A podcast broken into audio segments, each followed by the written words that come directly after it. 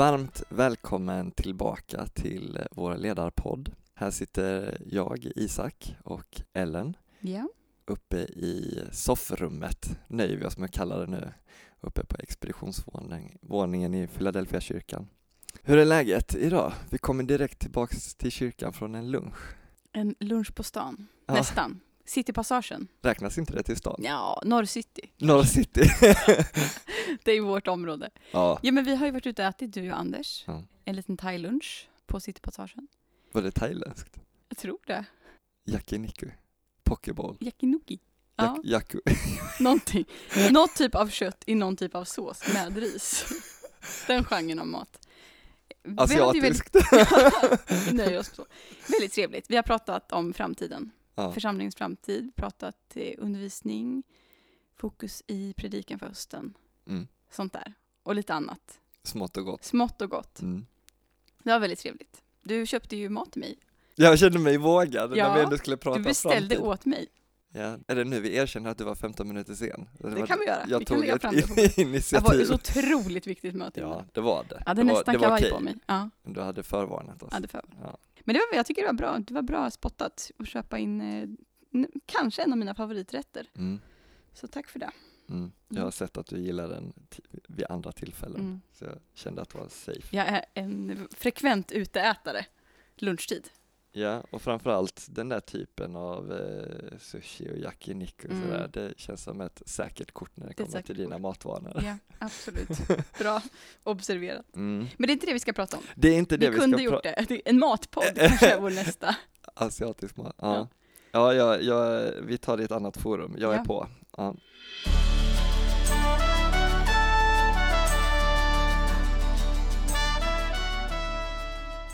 Nej men precis, välkommen tillbaks till en podd om ledarskap får jag säga, inte om mat. I första avsnittet så, så tror jag att vi uttryckte så här, att det är en podd för dig som redan är ledare eller som eh, kanske är lite sugen på att få kliva in i ledarskap eller som kanske funderar lite på det. Jag tänker på eh, lite det, lite det jag tänker att jag möter hos människor är ju också den här, att man kan få det här svaret att åh, ledarskap, nej men det är inte för mig. Eller jag är ingen ledare, Mm. det är någon annan. Och då tänker jag att det här avsnittet är riktat lite speciellt till dem. Jag hoppas att de också lyssnar på den här podden Att någon lyssnar. att någon lyssnar. Ja, men jag hoppas att, de, att om du känner igen dig i den bilden, så här, ja men ledarskap, det är bra, men det är inte för mig. Då tänker jag att vi ska prata lite mer specifikt riktat till er idag. Håller du med om det? Eller? Jag håller med om det. Ja, vi satte i vår liksom, eh, planering för idag tema invändningar. Invändningar. Ja. Ja. Jag ser Mose framför mig Ja, när han får kallelsen av Gud och direkt kommer med alla möjliga upptänk, precis. upptänkliga Varför invändningar. just jag? Det har jag också gjort i mitt liv. Så det här är liksom inte att jag ska försöka kasta sten i glashus, eller vänta, ja, jag sitter i samma glashus. Eller jag, nu blandar Samma jag, bild, båt. Eh, jag blandar bilderna för mycket här, det funkar inte. Ja, nej men det är ju att jag i allra högsta grad kan känna igen mig i den mm. känslan av att så fort Gud kallar en eller någonting läggs på ens hjärta så kommer det såklart massa invändningar. Vi hör ju ibland när man ställer frågan, skulle inte du vilja med och leda den här samlingen Mm. eller den här gruppen? Så tycker jag att man hör ganska ofta den här formuleringen, jag ser mig inte som ledare. Mm. Alltså att man svarar nej och så säger man det, men jag, nej men jag ser mig inte som ledare. Mm. Jag tänker i det där också, att man inte känner igen sig på något sätt. Alltså att det finns någonting i bilden av en ledare som jag inte ser i mig själv. Nu börjar jag skratta lite, men jag bara kommer att tänka på, när jag, när jag, precis när jag var ny i stan och ny på missionsskolan, Ja. då började jag se ett mönster hos a- framför allt pingstvänner och framför allt unga tjejer och framför allt från Småland. Vi hade faktiskt flera stycken sådana i klassen. Det brukar finnas ett gäng. Ja, Ja. men jag började se ett mönster ganska snabbt, att när de berättade sin resa till att börja plugga till att bli pastorer, att de sa så här, men jag har aldrig sett mig som en pastor, man i skinnväst. jag, det var, liksom, det var en kollektiv bild de hade sitt medvetande om vad en ledare skulle vara, eller en pastor skulle vara, det skulle vara en man i Det är någon i skinnväst. Ja. Jag, jag vet inte om jag någonsin har sett en pastor i skinnväst. Det är någon så här småländsk grej, pi- pingst i Småland. Ja. Men, men det, så kan det ju vara. ja, men det finns ju verkligen bilder av ledare som jag tänker vi undermedvetet bär med oss. En del Mm. tycker ju att det är väldigt kul att vara här uppe. Man eh, ska, kanske ska träffa mig i någon sammankomst och så gå förbi våra bilder, våra fantastiska eh, föregångare tänkte jag säga, som har varit föreståndare här i Mm. församlingen under Bildgalleriet. det är ett bildgalleri. Har du inte varit här uppe på expeditionen och sett denna fantastiska rad av eh, gudsmän så kom upp och titta på dem. Men då är det en del som skrattar lite åt att eh, hur ska bilden på mig se ut? Det är ju Mm. alltså då, hur många är det? Typ tio höftar jag lite nu här. Ja, knappt åtta. Ja, män med skägg, mer eller mindre skägg. Ja. Det varierar lite över tid. Någon Men, med eh, mustasch. Ja, Ja. precis. Då tänker en del fråga, men vad ska jag liksom... Jag känner som att jag vill komma upp som en liten clown där längst ut. Den unga kvinnan. Eh, Det blir ett ganska abrupt hopp Ja. i den här fina raden av en mer homogen bild. Ja. Även om det här var olika, eh, förstås, ledare med olika gåvor och olika egenskaper, Olika personligheter. olika personligheter. Absolut. Eh, men just det där bilden av ledare, det hörde jag ju också. Det är ju väldigt typiskt, tänker jag, att prata om på en pastorsutbildning. Liksom att ser jag mig som en ledare och vad i så fall ser jag i mig själv? Mm. Och där tänker jag att vi, vi bär med oss bilder. Mm. Ledare som har format oss, ledare som vi har tyckt om och ledare som vi inte har tyckt om. Mm. Som vi liksom som finns med oss där när vi får de där frågorna om man själv ska kliva in i Mm.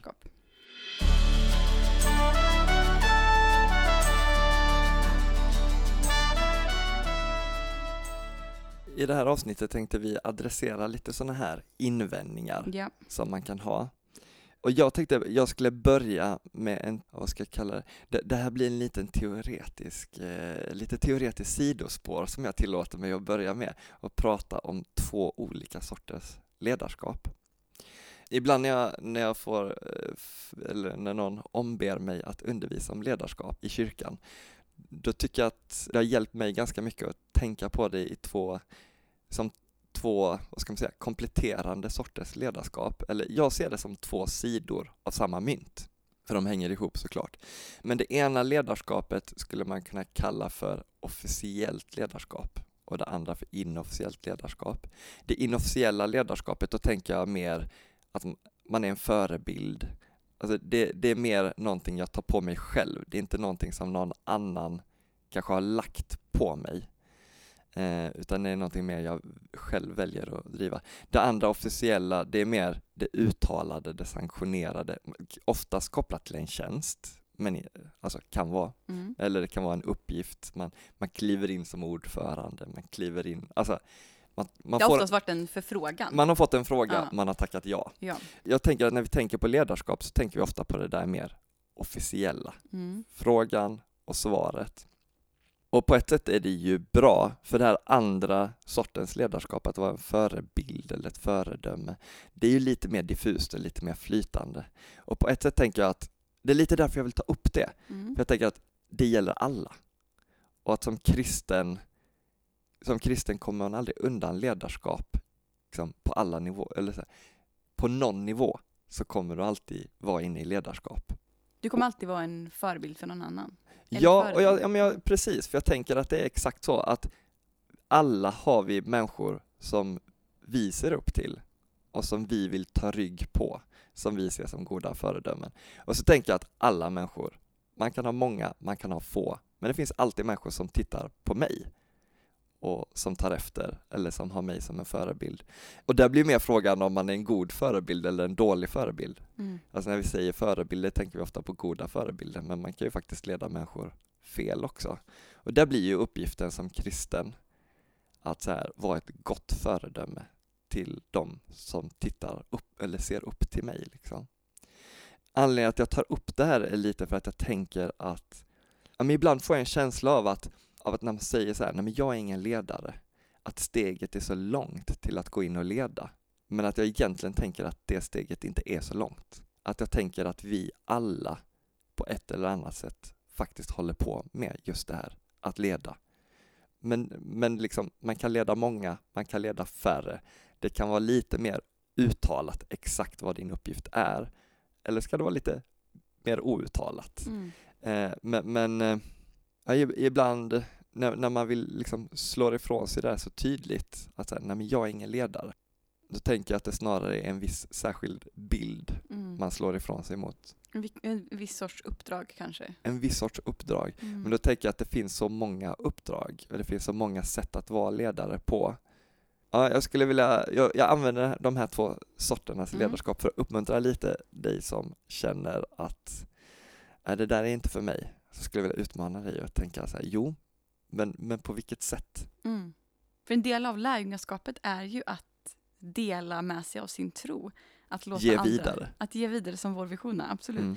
Ja, men det, det sammanfattar ju där väl att, att ehm, lärjungaskapet handlar om att bjuda med andra på trons resa. Så här, kom och gå med mig, kom och gå tillsammans med mig på trons väg. Och i det så finns det ju ett då, om man vill kalla det för inofficiellt ledarskap. Alltså Mm. som inte kräver en titel eller en förfrågan, utan som en del av gensvaret på min tro. Att jag vill också bjuda med mig människor runt mig i det. Men vad tror du det gör att man liksom drar sig för det där officiella ledarskapet? Alltså de här liksom... Varför känns det där språnget så stort, tror du? Men, ja, men det, det är klart, tittar man på eh, de där som ofta kan redan innehar de där rollerna så kanske de känns väldigt duktiga. Det är klart, de har ju massa erfarenhet redan om de har prövat på det där en längre tid. Kanske man känner att... Men, men jag märker ju, nu hänger jag ut mina ungdomsledare, fast jag har haft ganska många kullar av ungdomsledare, vid min- så det, det är inget specifikt. Från 2013. Det kan vara en grupp då. Exakt, exakt. Nej men, men och jag återkommer ju ofta till det här när, ähm, ja, men varje gång jag har fått med dem på någon ledarutbildning eller så, här, så frågar man hur var det här då? Då blir allt så här, ja det var väl bra men vi, vi saknade mer konkreta tips. Var är listan? Var det listan, checklistan? Ja, men, och jag tänker att det, det, det, det är ju bra, bra med konkreta Mm. men jag tänker att det avslöjar också någon liten, eh, någon liten känsla eller inställning av att så här, men, men jag vill ju inte göra fel. Alltså, Mm. alltså någon liten rädsla för så här, ledarskap, och just det, men hur gör man? Mm. Alltså att det, ja men lite så här, vad är checklistan? Alltså just det, vad innebär det här nu rent konkret? Tänk om jag gör fel?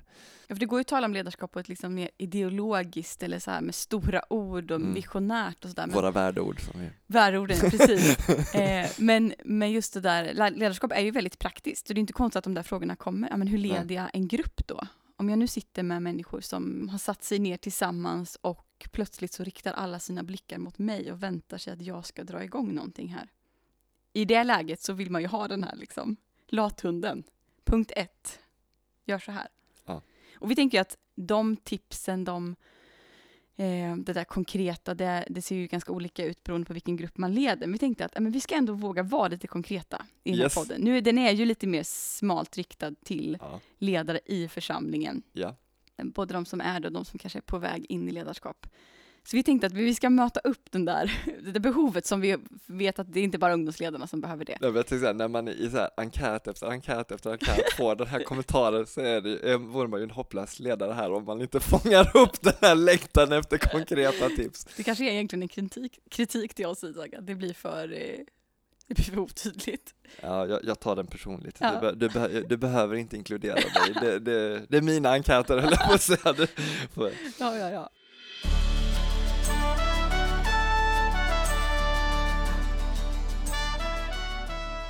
Ja, men vi tänkte så här att... Eh, det är ju en podd, då ska podd. ju ha topplistor. Japp. Topp tre-listor. Våra topp topptips för eh, dig, praktiska konkreta tips för dig som ledare. Mm. Det blev ingen topp tre, eller det var svårt att smala till tre. Måste, jag tänk- måste jag erkänna för min egen lista här nu. Ja, för jag, jag höll in i det sista på att det här skulle vara en topp tre-lista, men, Ja. men eh, nej. Är det okej att jag tar fler än tre? Ja, jag hade ju skrivit ner sex stycken. Ja, men jag, det? Ja, men jag, sen försökte jag ju smalna av det här för jag tänkte att det skulle ner till tre, men sen såg jag att du hade fuskat in några extra, så vi får se. Vi får se. Jag kanske får feeling och tar några av mina bonustips här. Men du får börja Ellen, vad är di- din, eh, hur många tips är det? Topp Eh, vad kan det vara? Fem kanske? top fem, jag- Ellens topp fem konkreta tips för dig som ledare. Det låter, det låter stort när du säger så. Utan inbördes ordning vill jag lägga till här nu. Jag lyfter dem i, eh, i Du tar jättestora friheter i det här listformatet eller? Nej, men det är bra. Nej men Ja. så här, jag tänker en, ett viktigt ord för mig som Nummer ledare. ett. Nummer Tips ett. ett. Det ändå är nummer ett tror jag. Ja. Som jag återkommer ofta till. Eh, det är ju uppmuntran. Alltså uppmuntran är en sån nyckel i mötet med individer och tillsammans med en grupp. Alltså att bli bra på att se det som är gott och det som människor gör som är liksom unikt för just dem. Det, det, det ser jag som en viktig del i att, att leda, att uppmuntra, bli bra på att se andras styrkor och att kunna eh, liksom, ja, men identifiera det och lyfta det. Då bygger man också en kultur i en grupp där vi är inte här för att se vad vi har för brister, för det har vi allihopa. Det, det kan man lista också lätt. Eh, liksom, det, så, är, så, så funkar Det är vi. vi oftast bra på att göra själva. Ja, men det är vi. Precis. Men just att få se det goda i andra människor och också sätta ord på det och ge uttryck för det. Vi gör ju personalen, jobbar ju en del med det i församlingsledningen också, den väldigt medvetna strategin att jobba med uppmuntran. Och eh, jag kan se hur det bär god frukt. Att ge det, vi har gjort det några år, att vi ger en immateriell gåva till varandra i personalen, att skriva uppmuntrande ord till varandra. Det bygger ju någonting. Så det skulle jag säga ändå är ett tips i att leda en grupp eller att leda en individ, att jobba med uppmuntran aktivt. Att uppmuntra andra människor. Nej, jag tycker det, det tipset är så djupt Kristuslikt eller Gudslikt. Jag tänker att det är så här, tränas ju också i att ha Guds blick på människor. En positiv, kärleksfull, uppmuntrande blick. Mm. Det är så Gud ser på oss. Mm. Ja, men det finns någonting i det som jag tror Bra är... tips! Tack. Eh, mitt andra tips då, det är ju det goda minnet. Vill jag kalla det här i min lilla lista. Du har så här snygga Nej, rubriker på dina tips. nu känner jag prestationsångest. Ja. Nej men alltså att minnas det andra säger. Mm. Kom ihåg namn. Kom ihåg vad folk sysslar med. Försöka minnas vad folk sa vid förra gången man sågs. Eh, behöver man ta hjälp av att själv anteckna så tänker jag det är värt mycket. Att gå den extra milen där och verkligen försöka minnas det folk gör. Att kunna knyta an i det när man ses igen eller inte minst i bön för andra människor. Att också kunna liksom, lyfta in det, det som folk har delat. Mm. Men jag tänker att det, det bygger förtroende och det gör också någonting med gruppen. Att man behöver inte börja om varje gång man möts utan vi liksom hjälps åt att minnas varandra. Och i det så finns det också ett behov av att man lyssnar aktivt. Eh, jag är inte här bara för att jag själv ska få prata utan jag är här för att ta in vad andra vill säga och, och liksom är lyhörd för det. Så det goda minnet, det är... Och, och, och för oss som eh, kämpar med minnet, eller nu kommer min fru skälla på mig för att hon tycker att jag har jättebra minne och det har jag för vissa för saker. tyska stridsvagnar.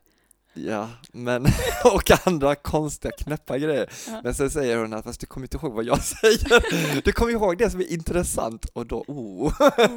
Men, nej, men, eh, men, eh, men jag är inte alltid så bra på att komma ihåg det här, sånt här. Liksom, det människor berättar. Nej. Eh, Har, har du något konkret tips? Mm. Eller var det anteckningsblocket där som var Ja, konkreta men kanske tipset? föra Ja. lite anteckningar utan att Mm. lämna ut människor. Men, men Mm. just komma ihåg, jag har ju en grej att när jag sparar telefonnummer att jag försöker skriva, särskilt människor jag träffar kanske bara en gång Mm. och man liksom utifrån min roll som pastor och så, att jag, jag måste lägga till någon liten anteckning i telefonkontakten. Typ var vi träffades. Då kan jag komma ihåg, för annars kan det bli lite snurrigt i telefonboken. Ja. Um, också tagen var det mycket nysvenskar så försökte jag liksom lägga in på något sätt nationalitet eller någonting Mm. em, för att komma ihåg. Så jag tänker att, men just att anteckna på något sätt, eller man har en andra Mm. bra minnestekniker, men Mm. för mig är det att skriva ner eller att, ja. Jag tror att, att eh, det är någonting man tränar upp också. Mm, det, det är verkligen, och eh, att om man, om man anstränger sig lite Mm. för det här så kommer man ju faktiskt en bra bit på vägen. Jag tror det. Men Mm. vad sa du, minnet är din vän? Minnet är din vän. Ja. Det goda minnet. Ja, men jag tror det är viktigt i att vara ledare. Eh, både på, tänker jag, man leder en mindre grupp och en större grupp. Mm. Ehm, sen har jag skrivit så här, gemensam upplevelse.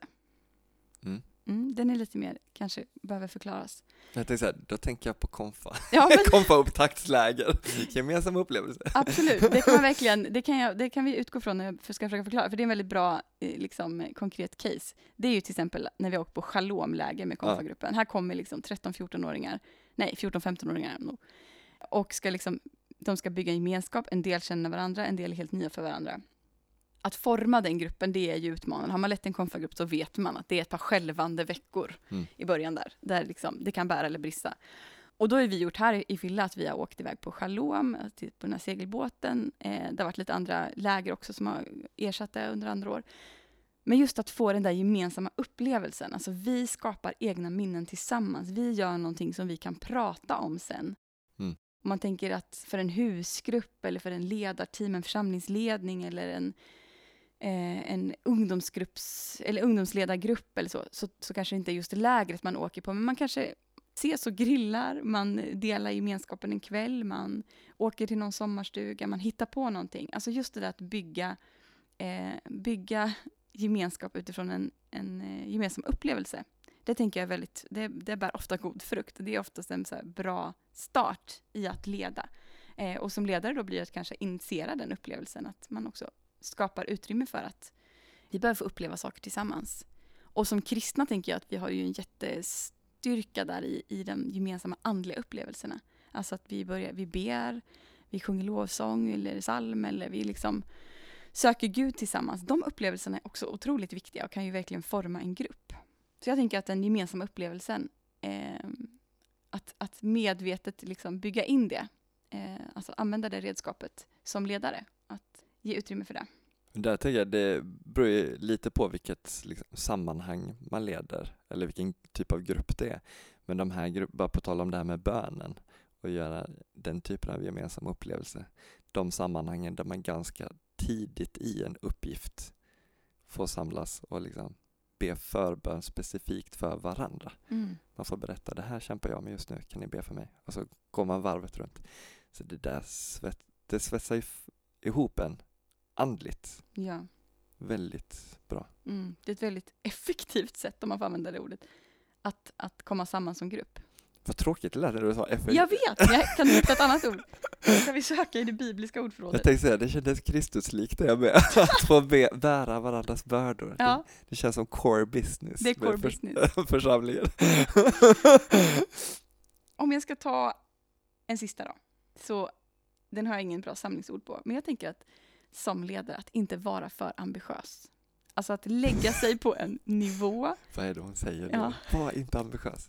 inte att, för ambitiös. Inte för ja. ambitiös. Alltså jag tänker att det är viktigt som ledare att vara trovärdig och att kunna hålla över längre tid. Mm. Och ibland så kanske man i den här liksom iven att göra ett bra jobb, att man går ut ganska hårt, man är superväl förberedd, man har lagt ner mycket tid, man har liksom höga tankar och liksom en stor en liten vision och dröm om att leda på ett visst sätt, som man kanske orkar hålla ett par månader eller ett år. Men inte när det liksom kommer in i rond två, alltså när man liksom smekmånader över, det börjar bli liksom hösten kommer, eh, novembermörkret. Ja, november, det är det klassiska. det är november ja. som man säckar ihop.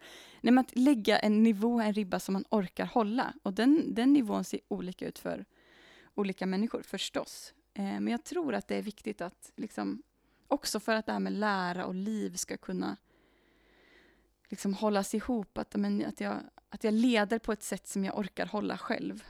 Och att jag talar eh, på ett sätt som jag också kan leva utifrån. Eh, och där tänker jag som kristen ledare så är det väldigt viktigt att, det, att vi är trovärdiga. Mm. Så att annars kan fallet bli ganska högt när vi inte orkar mer eller när vi inte kunde leva upp till, till det vi själva gav uttryck för. Är du med på vad jag menar? Eh, och som ungdomspastor tänker jag att man eh, att det här är väldigt uppenbart hela tiden att ungdomar är så omedelbart snabba på att genomskåda när man inte är äkta, när det mm. liksom bara blir blahaj liksom. Ja. Eh, så att man på något sätt hela tiden får träna sig själv med att faktiskt vara äkta. Sam, samtidigt som jag säger det så kommer jag också tänka på, det här var faktiskt din, eh, din make som mm. berättade, det här är länge sedan, på Shalom, alla, alla trådar knyts alla, ihop här. Vi var, det, det, här måste varit mitt första år som ledare, ja. kan det ha varit det? 2013, 2014 ja, ja, ja, Vi var på Shalom och han var med då utifrån att han var jag vet inte varför. Min man. Ja, kanske. jag Nej, tänka. Var, ja, han var ju med som ungdom. Ja, ja. ja. men då, då återberättade han en liksom kul episod bara, att det var en av ungdomarna som hade sagt till honom så här, åh, jag längtar också till den där tiden i, i livet när jag är på samma andliga nivå som ni ledare, att man alltid är andligt på topp. Mm. Och, och Jakob och jag, eller så här, vi skrattade åt det, så här, vad kul, haha, att ungdomarna tänkte det. Men sen så, skratt, så, dö, så fastnar skrattet lite i halsen när man tänker så här, just det, sen, nu presenterar vi bara en sida av det kristna livet. Mm. Det enda ungdomen har sett av våra liv är när vi är andligt på topp. Och på ett sätt är det ju positivt för att säga, ja men nu är vi med ungdomarna, nu kör vi, så här, nu lägger vi bort det andra. Men det blir, kan ju också bli så här falskt på sikt liksom. Mm. Tror de att livet alltid är så här? Att vi alltid är pepp och andligt på topp. Ja. Ja, nej men det där är... Men det finns något där att liksom Ja. ändå greppa tag i och fundera kring hur kan jag liksom leda trovärdigt på en nivå som jag orkar hålla så att jag också bygger ett hållbart ledarskap.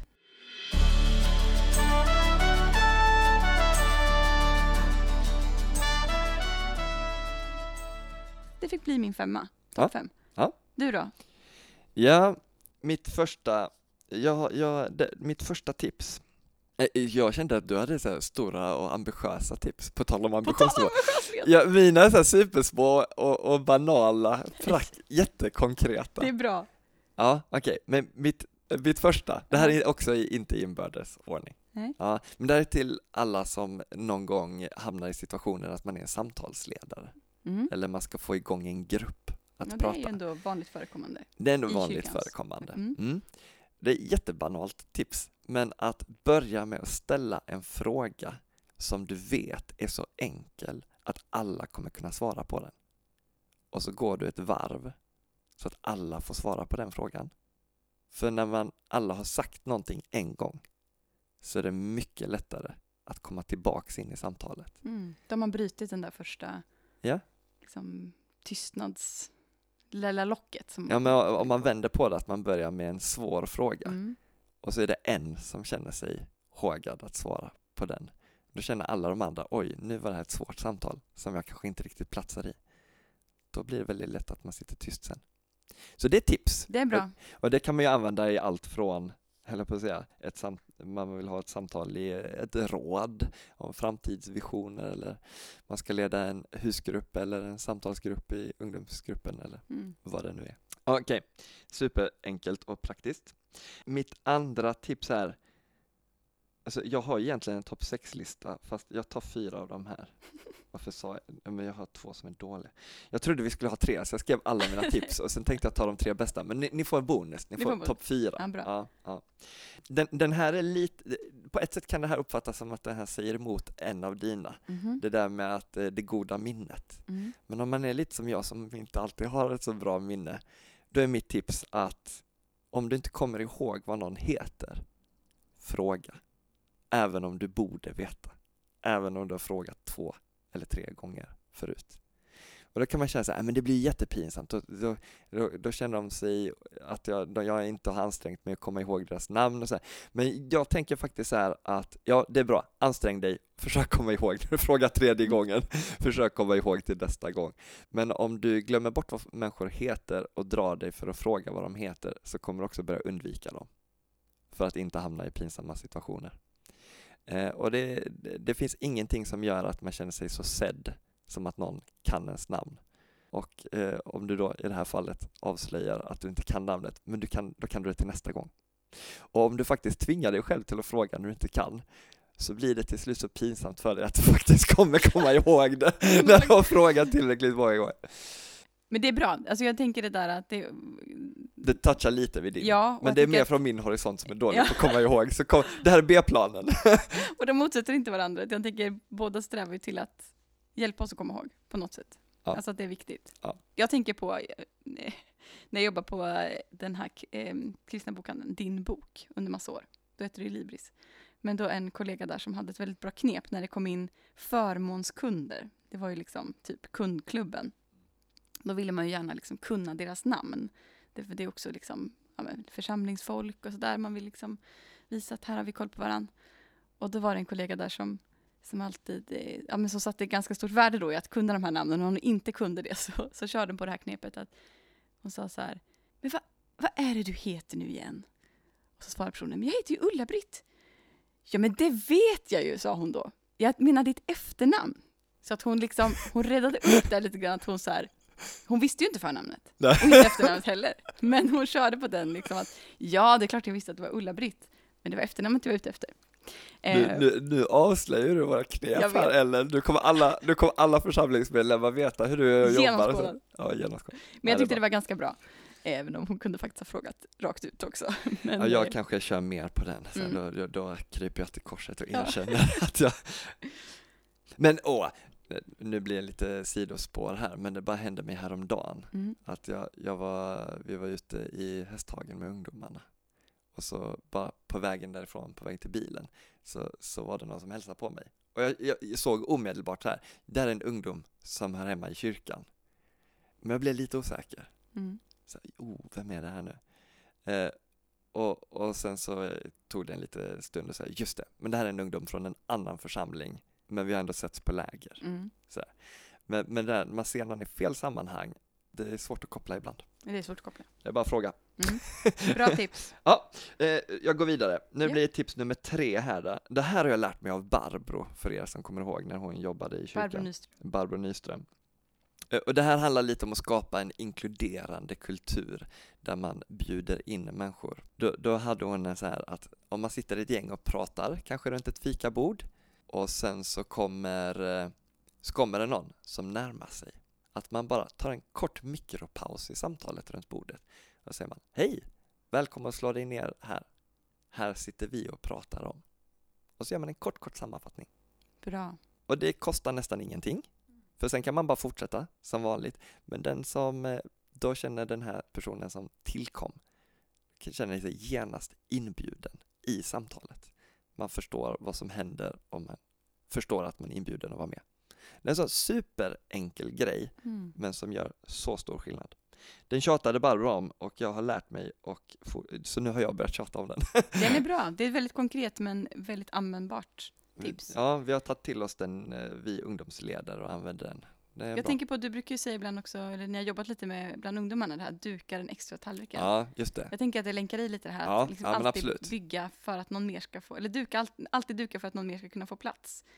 Rent fysiskt men också bara i en gemenskap att utgå från att man vill. mentalt. Ja, Mentalt duka. Ja, det är en bild, jag vet, jag vet inte var jag har hämtat den, om det är så judiskt Mm. påskfirande, tror jag att det är. mm. Men att man, man vet att man är sju runt bordet och dukar med en åttonde tallrik. Bara för att mentalt påminna och förbereda sig om att det kan dyka in någon, någon extra. Det tycker jag vi, det är en bra princip. det är en bra princip. Alltid i kyrkan. Ja. Att duka en extra tallrik. Ja, tips nummer tre. Då tar vi mitt sista här. Det, vad, vad ska jag kalla den här? det, det här är motsatsen till att hitta dig själv. Det är så här, kopiera. det, här kanske är ett märkligt tips, men, men jag gick på missionsskolan och det här kanske var lite kopplat till predikan också. Men jag hörde den i alla möjliga sammanhang, att det är så här, ja men hitta dig själv, hit, hit, var dig själv, hitta ditt eget ledarskap, hitta din, din röst och ditt tonfall och så här, låtsas inte vara någon annan. Och när jag, hela studietiden fattade jag ingenting. Vad, vad, vadå min röst? Vad menar ni? Och sen så efter att ha predikat ganska mycket, då började jag säga, ah, nu fattar jag vad ni menar. Okej, nu kör vi.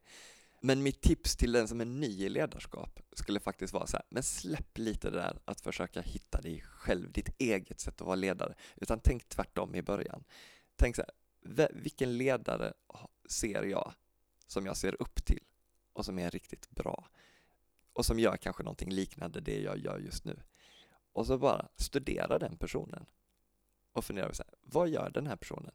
Vad gör den här personen? Hur börjar den? Hur avslutar den? Eh, hur bemöter den människor? Hur hälsar den på människor? Vad, vad liksom, vilken typ av frågor är viktiga? Ja, men, så här, detaljstudera den personen och kopiera. Helt utan skam i kroppen. Kopiera och gör, försök härma. Och då tänker jag så här, i början kanske det blir lite konstlat. Eh, på sikt så kommer du lära dig liksom, vad som var du och vad som var den andra och så kommer du hitta din egen röst. Men där i början, du kommer ha för fullt upp med alla detaljer i att vara i en ny roll. Att jag tänker, det där kan vänta i början, kopiera helt skamlöst. De som du tycker är bra. Intressant tips. Var Som det- jag tror att många skulle behöva höra, för det finns ju något i det här att jag ska Var det ett liksom upp- konstigt tips? Nej, intressant som är bra. Ja, så här, intressant, det är Ja. det man säger om man smakat någon ny mat som man inte tyckte var god. Punkt, punkt, intressant. Nej men jag tror att eh, många skulle behöva höra det, för det finns ju någon, någon sån allmän tanke att man behöver liksom, som du säger, dels hitta sin egen röst men också att liksom säga något nytt, göra något nytt. Det kan ju vara inte minst när man predikar eller ska dela något, man vill säga någonting, man vill hitta någon del i texten som någon annan inte har hittat, någon vinkel som inte Mm. någon annan har sagt. Och samma när man leder, eh, står som ledare, att man ska hitta sitt unika särdrag direkt. Mm. Jag tror det ligger mycket i det där. Det är också ett sätt att lära sig. Men, och kanske, få använda alla de där goda förebilderna då som, som finns. men det kanske hänger ihop med det här med gåvor också. att man liksom vill så tydligt hitta Guds unika liksom väg genom, genom mig och det jag står i. Och det, men jag tänker att det kommer. Men man behöver inte ha så bråttom med det här. Börja med att ta rygg på någon istället. Och kopiera, kopiera skamlöst. Dagens tips från Isaksbyn. Ja, men Ja. eh, här har vi lite raddat upp mer eller mindre konkreta tips. Men jag jag tänkte du ändå- skulle säga mer, mer eller mindre bra Nej tips. Men ett försök att ändå eh, liksom landa in i lite mer det här, hur kan jag då leda? Vad Ja. finns det för redskap i verktygslådan Ja. att plocka fram? Vi kanske bara ska avsluta där vi påbörjade innan tipsen, att så här, i ledarskap så, men det finns inte en tydlig checklista. Vi har gett några tips. Man kommer göra fel, man lär sig längs vägen, det är okej. Men det viktigaste är att våga ta klivet. Det är helt sant. Mm. Var det vårt content idag, Ellen? Jag tror det var vårt content. Ja, ja. Då får vi tacka alla som har lyssnat, att ni har varit med oss idag i det här samtalet. Och så återkommer vi. Eller vad säger du? Ja, det gör Du vi. bara nickar. Jag Jag tänkte nickar. det är nu vi säger hej då. Hej då. På återseende, eller återhörande. Tack för idag.